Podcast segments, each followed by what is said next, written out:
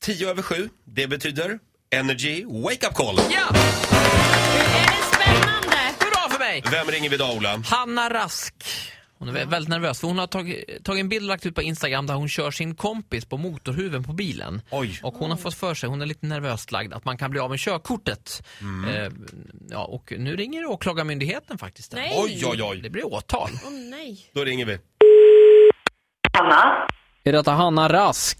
Eh, Ja. Jag heter Claes Karlsson, jag ringer från Åklagarmyndigheten. Har du två, tre minuter? För, ja. Det gäller den här bilden då med, med eh, körningen på motorhuven. Ja. 13 november eh, kommer du kallas till förhör. Det kommer komma ett sånt här lite roligt fönsterkuvert till dig där detta står. Men jag har lite annan information och lite frågor. Kan du kort bara beskriva eh, vad det var som hände här och hur fort ni körde tror du?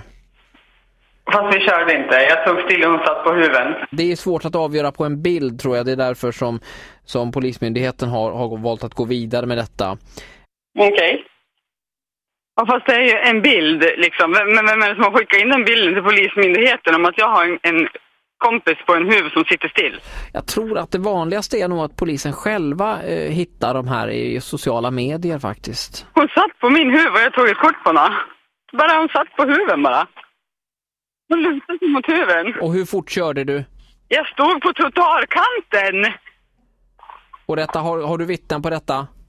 Nej. Ja, jag, jag kan ju säga att rätten kommer ha väldigt svårt att, att tro på att ni inte körde också. De får tro vad de vill för hon satt på huven och vi stod still på trottoarkanten. Eh, De kommer tro vad de vill, eh, men det är du som får betala böterna. Jag ser här på min kollega Titti Schultz, hon är inte glad, tycker inte detta är roligt. Vilket jävla CP! Vem är Linnea då? Som min arbetskompis som satt på huven. Hälsa Linnea! Ja, det ska jag göra. Ja, hej då Hanna! Hanna var det. Ja. Ja, Ja, Ola. hur kände du där själv? Jag vet inte, hon var så övertygad om... Nej, jag vet inte. Nej. Hörrni, det blir bättre imorgon. Ja, ja. Det blir bättre Ny imorgon. chans imorgon. Ja, men jag log lite, det gjorde jag faktiskt. Ja, då. Tyckte jag Det kan var vara skönt lite... också med en mellandag så här. Ja, Visst. Taskiga ni är.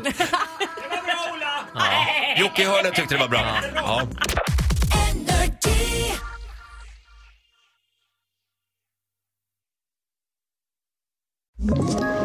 Ett poddtips från Podplay.